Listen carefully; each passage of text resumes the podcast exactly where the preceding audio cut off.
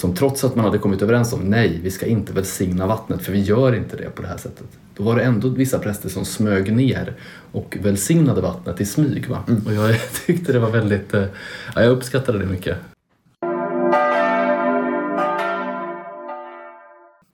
Så att jag tror att vi tänker lika men det tog Ja, tio minuter för oss. Såklart.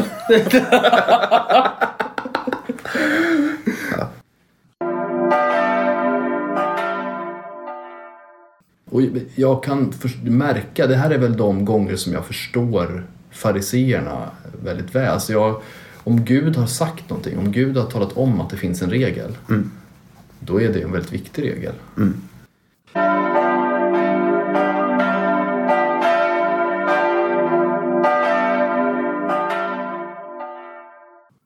Klockorna ringer in. Det är slutet av januari. Det är avsnitt fyra i säsong två av Lillhällsmål.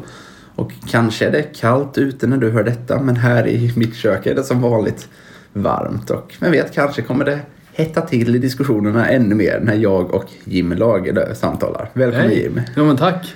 Kul att jag fick komma hit. Hur står det till med dig? Jo, jag fick ett glas vatten av dig här när jag kom så det är väldigt positiv stämning i rummet. Wow. glad och tacksam. Jag är glad för det lilla. Ja, och just vatten kan göra mycket. Det berörde vi ju några- för några veckor sedan. Just det. Ja, det här är ju inte välsignat vatten vad jag känner till. Eh, utan det här är då, jag gissar på kranvatten Ja. från Uppsala.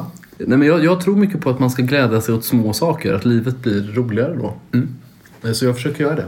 Eller jag tycker att jag gör det ofta. Att jag försöker se på mitt eget liv som om det var en sketch eller en film eller så. Och då blir väldigt många saker i livet roligare. Nej, men det är bra en bra tanke.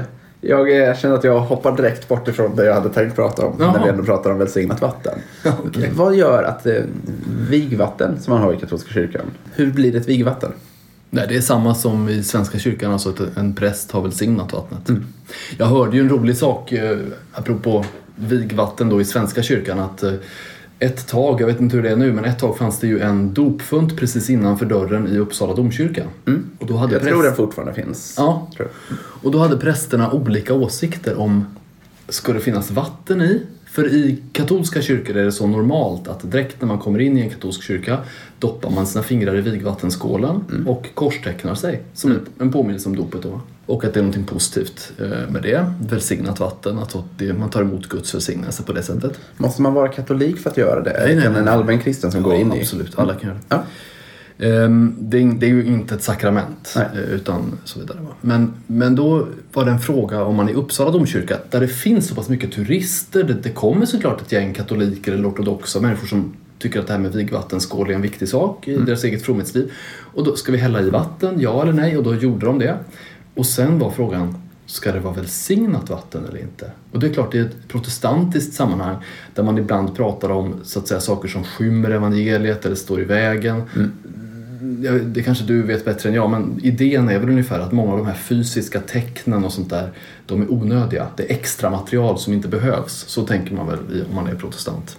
Ja, men precis. Sen kan man ju hårdra det lite. Mm. Men, men absolut, så här, Luther menade ju att allt som inte skymmer evangeliet är okej. Sen var det väl Calvin, tror jag, som tänkte tvärtom. Att allt som inte står i evangeliet är Mm. otillåtet eller dåligt. Och det är ju, tycker jag, otroligt överdrivet och, och sådär.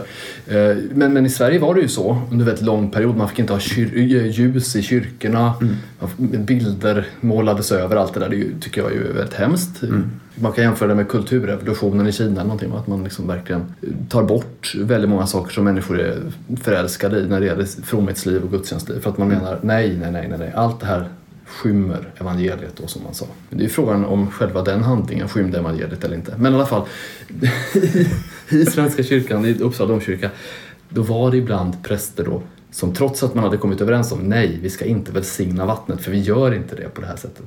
Då var det ändå vissa präster som smög ner och välsignade vattnet i smyg. Va? Och jag tyckte det var väldigt, eh, ja, jag uppskattade det mycket. Jag tyckte det var kul. Ja, någonting annat vi uppskattar det är ju att prata om kommande söndags evangelietext. Ja, där, det, där är vi verkligen eniga. Väldigt därför vi är eniga. här va? Mm. Ja, men precis. Och kanske därför folk lyssnar också. En Ja. så här, Jag tror vi berörde det för några veckor sedan också. Men jag tror att folk förhoppningsvis också uppskattar det här pratet innan. Eller jag känner så när jag lyssnar på poddar också. Att, Ja, lite personligt. ja men precis, lite personligt, lite var är vi nu? Det kan beröra allt mellan himmel och jord. Jag tror också det spelar roll, de får en känsla för vilka vi är mera. Om de inte redan vet det. De flesta som lyssnar vet väl precis vilka vi är. Har, vet vart vi bor så att säga. Ja. Låter både fint och obehagligt. Ja. Det är det. Jag tolkar det på det fina sättet. Ja. ja. Men om vi ska börja med katolska kyrkan. Vad ska ni läsa på söndag?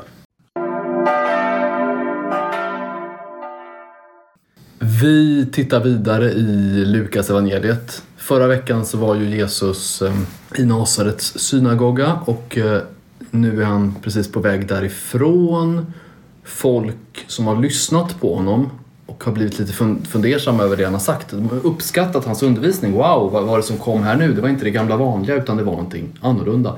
I, i Markus evangeliet står det ju att Jesus hade kraft bakom orden. Att det var liksom någonting unikt för honom, att han hade kraft bakom orden. Jag tycker det där är väldigt speciellt. Så människor märker det och sedan blir de ändå fundersamma. Men det här, är ju en, det här är ju en av oss som vi har sett växa upp här. Han kan väl inte vara särskilt märkvärdig. Han kan inte vara Messias. Han kan väl inte... Ska, han ska så att säga inte komma här och komma, som man säger på svenska ibland. och då säger Jesus, han kommenterar det och säger ungefär ingen blir profet i sin egen hemstad. Och han säger någonting mer som, som de blir störda på. Eh, att han tycker liksom, ni tar inte emot, ni fick någonting väldigt positivt av mig men ni tar inte emot det. Och då försöker ju folk jaga iväg Jesus därifrån. Alltså de blir väldigt upprörda. Ibland så säger man att det är ett tecken på att någonting är sant om man blir störd av det. Alltså om jag säger till dig, berätta för dig en egenskap. Om jag tycker så här, du har den här egenskapen Linus. Och om du blir irriterad på mig för att jag säger det, då kanske det finns en poäng med att du blir det. Då kanske du tycker så här, ja, ah, det skaver för att, för att det är sant. Det behöver inte vara så. men ibland är det så. Jag började tänka igenom mitt liv. Jag skulle säga att i vissa fall kan jag nog hålla med. Sen så om det, det kan ju lika gärna skava för att man menar att det är 100% felaktigt också. Ja, det kan det göra.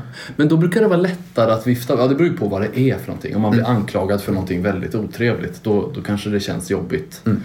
Eh, eller om den som säger det, om man tycker att Jaha, vad synd att du uppfattar det så här. Det kan ju också kännas väldigt jobbigt. Men, men ibland kan faktiskt sanningen skava. Och det ska jag säga. Det, ja, och det är ju precis det som händer i den här eh, texten här. Att, att Jesus säger Jag är Messias och jag kommer nu för att rädda hela världen. Och människor vill inte acceptera det. Och det här är ju ett ämne som du och jag har kommit in på många gånger. Dels, dels det här med vem lyssnar vi på? Och dels också det här med eh, hur tar man emot? Det pratade vi om förra gången, det här att eh, alla som hör Jesus tar inte emot hans budskap. Det, jag undrar hur Jesus, hur tror du Jesus kände sig där när han, han upptäckte eller upplevde att de inte hörde vad han ville säga? Eller att de inte ville höra? Jag tänker att en del av Jesus var nog väldigt förberedd på det. Att Jesus pratar ju ändå, eller både Jesus och profet förr pratade om att här kommer det vara en stötsten. Kommer, det var väl i slutet av förra säsongen vi berörde den här texten om att så här, familjer kommer splittras, liksom far mot son. Just det. Och det är ju Jesus medveten om.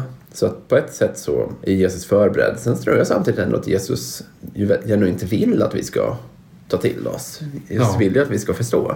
Ja. Så det är väl en blandad känsla mellan, ja men en förberedd besvikelse. Mm. Kanske jag ska säga. Är det lättare att bära då, om man är beredd på det? Kanske framförallt så är man ju förberedd på att man måste hantera det. Mm. På något sätt. Sen om det blir lättare, det beror nog på vad det är för, om man tänker i generella termer. Vad det är för form av besvikelse. Ja. Men det, är väl, det är väl lite som det här om jag ska dra ett Ja. helt annat exempel. Att någonstans brukar folk tycka att det är lite lättare att hantera när någon går bort och man liksom någonstans har vetat ett tag att den här är liksom sjuk, man har hunnit förbereda sig, man har hunnit ta ett farväl. Till skillnad från om någon bara Så kan det vara. rycks ifrån en. Mm. Det, det, det finns skillnader, det gör det ju. Ja, det står så väldigt lite i skriften om hur Jesus känner sig. Det är några få gånger som det står att han blir upprörd eller, eller sådär. Eller att han, han blir ledsen. Men eh, här står det ju ingenting om det utan här, han går därifrån. Och han kommenterar ju det här senare. Så att säga, om, om människor inte vill lyssna, skaka dammet av fötterna och hela den biten. Va?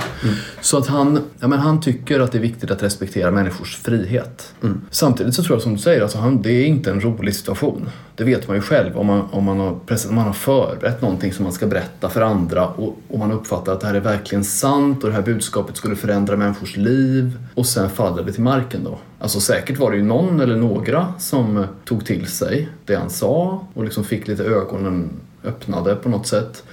Men känslan i texten är ju att alla här i, i, i Nasaret då avvisar honom. Det, jag kan bara föreställa mig att det måste känts, alltså känslan måste varit väldigt tuff. Ja, det är den här dubbelheten som du tar upp va? Han, han kan säkert hantera det men det, det är ändå inte kul.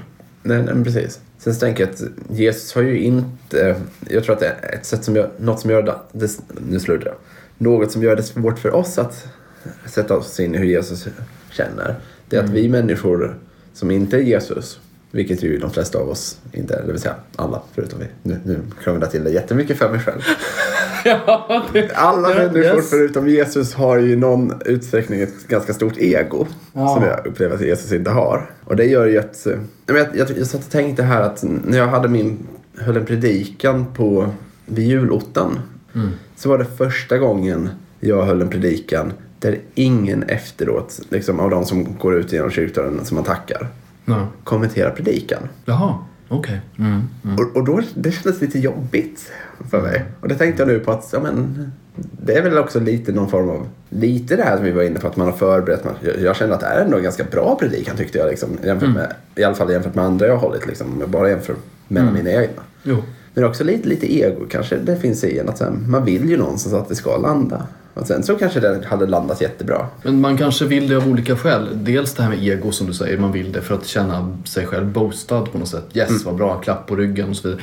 Men man kanske också vill att folk ska höra och reagera för att man tyckte att det var ett viktigt budskap man hade, eller hur? Det, det, det är inte ba, bara negativt. Nej, nej men precis. Att man vill ha respons. Jag tror att den just ändå lilla så här egoaspekten som alla människor har, den tror jag att Jesus saknar. Och det tror jag gör att vi har svårt att helt förstå Jesus för att vi kommer tänka in, ha en egokänsla med oss när vi försöker relatera Ja, det är helt rätt alltså. Det, det är nog rätt. Alltså för honom handlar det mer om... Det är som han säger då när han går med korset så är det ju några kvinnor som gråter. Och då säger han, gråt inte över mig. Gråt över er själva och era barn, säger han. Det vill säga han är inte intresserad av sin egen... Var inte ledsen för min skull. Det är inte liksom det det handlar om överhuvudtaget här. Att, okej, vad- att någon kommer fram, Petrus kanske kommer fram till Jesus efteråt och säger så här, vad synd att ingen ville lyssna på dig. Ja, men vem var det synd om? Ja, Var det synd om Jesus eller var det synd om de som inte lyssnade? Sen kanske, jag menar, det är ju intressant. Jag menar likgiltighet är väl det värsta egentligen. Att en reaktion, för de reagerar ju ändå. Ja, De blir ju väldigt arga. Ja. Om då en reaktion är ändå en reaktion, tänker jag. Om de inte hade reagerat alls, om Jesus hade hållit sin predikan och sen det hade bara inte varit någonting. Tack, tack, nu går vi vidare. Ja. Det hade kanske varit ännu värre. Ja, nej, men definitivt. Tänker du, hur tänker du idag kring det här med att man inte kan bli profet i sin egen hemstad? Stämmer det? Ja, det, det, det, det stämmer ju till stor del tror jag. Särskilt om man är uppvuxen i en by eller någonting och så all, alla vet vem ens föräldrar är eller vad det är. Va? Då är det svårt att plötsligt säga Hej, jag har tänkt på en grej.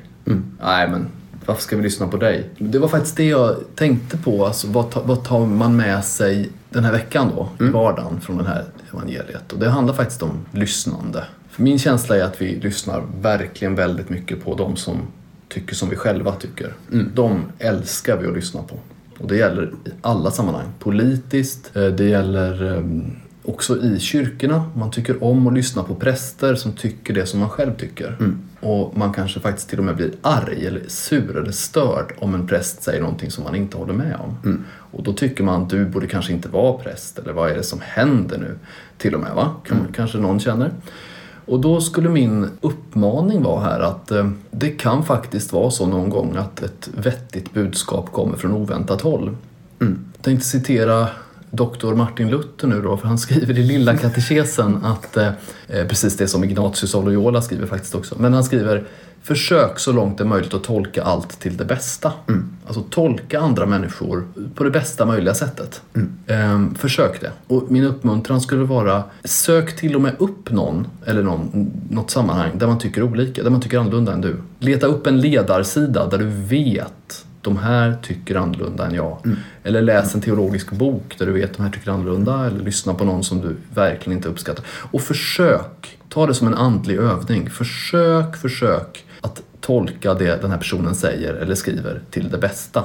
Men jag är glad att du lyfter detta för att en av de sakerna som verkligen gör mig ledsen i det kristna samtalet det är det här när vi är så snabba, just det, det du var inne på att ja, men den här personen borde kanske inte vara präst. Mm. Jag tycker jag hittade jättemycket som vi kollar men på nätet, så det kan vara kyrkans tidnings kommentarsfält, dagen, världen idag. Ja. Att nästan alltid när man, någon ska kommentera en meningsmotståndare dyker termen upp. Den här kan ju inte vara kristen Mm. därför att, och sen om man ska journalisera, för att den inte tycker som jag. Mm, jo, visst. Och, jag, och det är verkligen en av de saker som gör mig mest ledsen i det kristna samtalet. För visst, jag, vi har jättemånga olika åsikter och jag är ju av den anledningen en vän av att vi har många olika samfund på det sättet att man faktiskt kan få hitta där man har sin gemenskap. Sen så finns det fördelar också med det som jag vet är en del av liksom den katolska drömmen att alla ska samlas under en kyrka igen. Jag tror vi berörde det jättetrevligt i den här podden att här, Ja. ekumenik är bra så länge vi faktiskt tror på den. Inte att vi så att säga, försöker pressa bort det. Men att någonstans inte tänka att ja, men alla andra som tänker som jag, de kan inte vara kristna. Någon som inte tänker så. Ja, ja, ja precis. Det tror jag verkligen vore någonting att ta med sig. Ja, visst. Att så här, försök förstå det här. Sen behöver vi inte omfamna, liksom, vi behöver inte ändra vår åsikt nödvändigtvis. Men tänk, tänk bort de enkla termer som i den här är inte kristen, det här är ingen riktig kyrka. Utan försök förstå, som du säger, tolka till det bästa. Jo, alltså man har ju såklart rätt att anse att eh, vissa tankar inte är grundläggande kristna tankar. Men jag, jag tror, vi lever i en sån tid just nu där man liksom allting blir brännstoff, där man liksom söker fel. Och det är klart, det, det är jätte... Alltså jag uppskattar verkligen när man, när skillnader blir tydliga. Ja. När jag vet att okej, du tycker så och jag tycker så här. Och skillnaderna syns. Och vi behöver inte slå ihjäl varandra för det. Så. Men det kan vara vettigt ibland att försöka lyssna på andra som om de inte var fiender. Jag skulle ändå, nu gör inte jag heller alltid det, för jag, jag vill, man är som man är. Man letar efter saker att kritisera när man har en debatt. Va? Då se, söker man ju efter svaga punkter. Men jag, jag, ja, det finns fler sätt. Och ibland är inte debatt och diskussion det som kommer att övertyga människor. Det, det är nästan aldrig det. Min gamla filosofilärare Anders Kral sa det. De, det finns väldigt, väldigt få människor som övertygas av logik eller argument.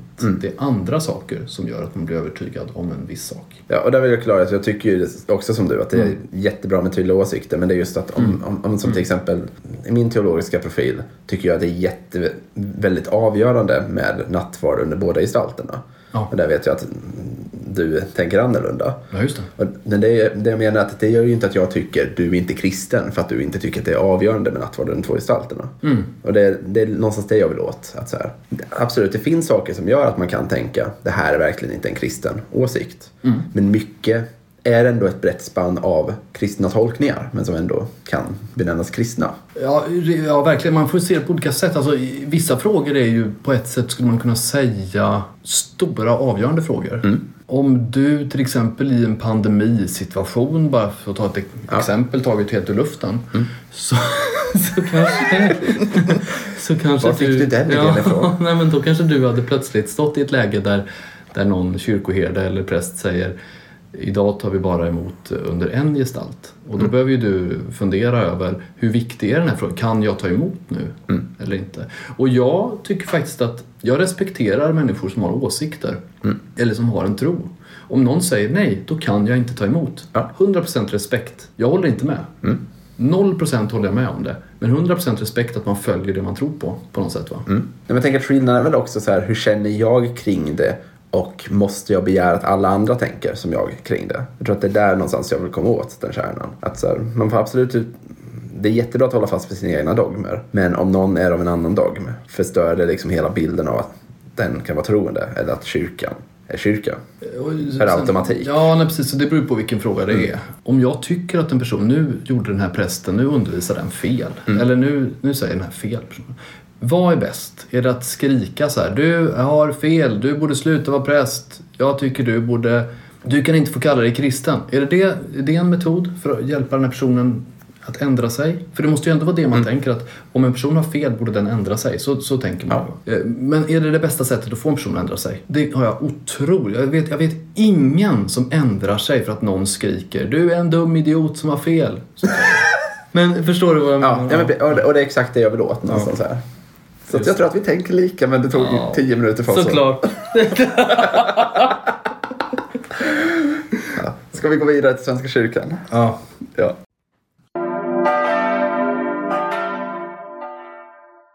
Och nu är vi inne i fjärde söndagen efter trettondagen. Och underrubriken är Jesus är vårt hopp. Och det är nog en underrubrik jag tror att många kan skriva under på. Okej. Ja, ja, visst. Ja, visst. Ja. En ekumenisk underrubrik. Det är ju när vi spelar in detta, det, när det här sänds kommer det ju vara över för att nu spelar vi in på en fredag för ovanlighetens skull. Ja. Men just nu är det ju den ekumeniska böneveckan. Just det. Apropå att många kan skriva under på det. Mm. Har du, har du gjort någonting förutom det här samtalet? Har du deltagit i böneveckan? Nej, det har jag inte gjort. Vi, vi bad i en mässa som jag var på i, ehm, för några dagar sedan här för eh, kristen enhet. Mm. Och det, kristen enhet är ju ett um, kärt barn för mig i, min- i min bön. Jag ber för det alltid. Mm. Även när jag inte var katolik, så att säga. Jag, e- efter andra Vatikankonciliet, det här stora kyrkomötet som den katolska kyrkan hade på i mitten av 1900-talet. Så, Ja, 62 till 65. Ja, 62 var det. Då, då um, intensifierades verkligen det här enhetsarbetet i den katolska kyrkan. Alltså längtan efter att alla troende ska få samlas till samma nattvardsbord. Eh, och påven sa ganska nyligen här att vägen dit är inte diskussion eller dialog. Det, vad, är det då? Ja, det är bön. Mm. Ja.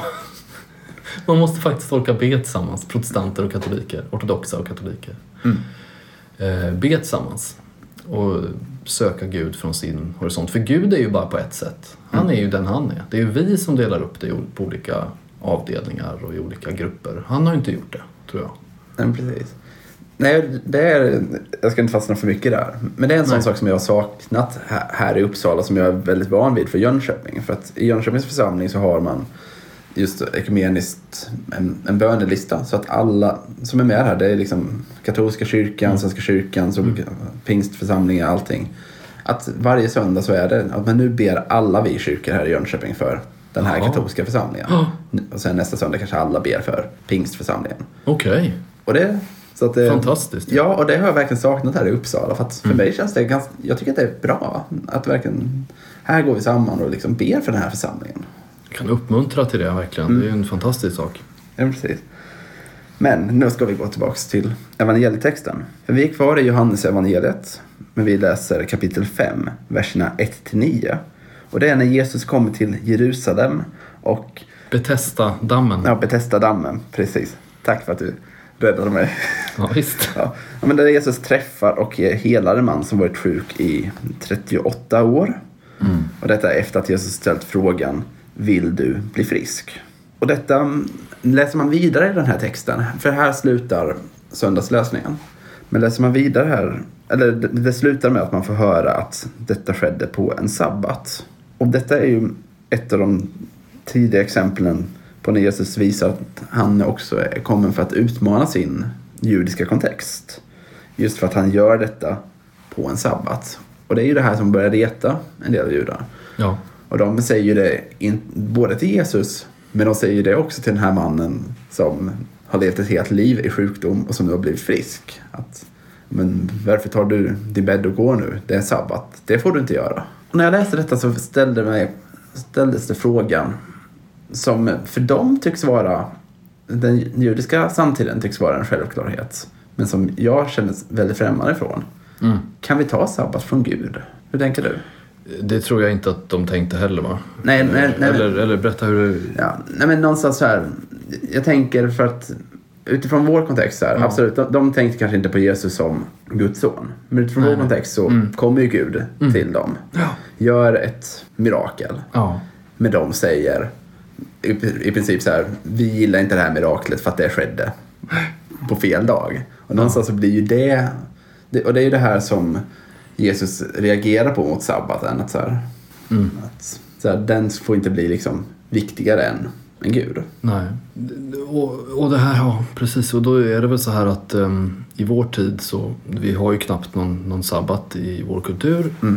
så vi, jag, jag tror, vi behöver ju snarare lära oss om sabbaten. Men, men, men det, det som du säger här, em, Jesus säger ju att människosonen är herre över sabbaten. Eh, Och han är ju Gud. Det är det som är grejen. Han är ju inte vem som helst som botar på en sabbat utan det är ju Gud som gör det. Mm. Ehm, Men sen säger han ju också att eh, på ett sätt sabbaten är till för människan och inte människan för sabbaten. Så det är ju inte en attack mot sabbaten som Jesus gör här. Eh, men det är ju så fariseerna ser det. Ja, eller, eller som det står i Johannes evangeliet, judarna ser det ju så. Ja, precis. Ehm, eller det är ju inte alla judar som tänker så. Det är ju, Jesus deltar ju i en diskussion. Alla tycker ju inte på ett... Det är ju inte så att det finns bara två åsikter i den här frågan och så är det Jesus mot alla andra. Utan det här är väl antagligen, som det brukar vara i judiska sammanhang, alltså, det finns många åsikter säkert om hur man ska tolka sabbatsreglerna. Och jag kan för, märka, det här är väl de gånger som jag förstår fariseerna väldigt väl. Alltså jag, om Gud har sagt någonting, om Gud har talat om att det finns en regel då är det en väldigt viktig regel. Ehm, så, så tänker jag. Ja. Så jag förstår verkligen dem.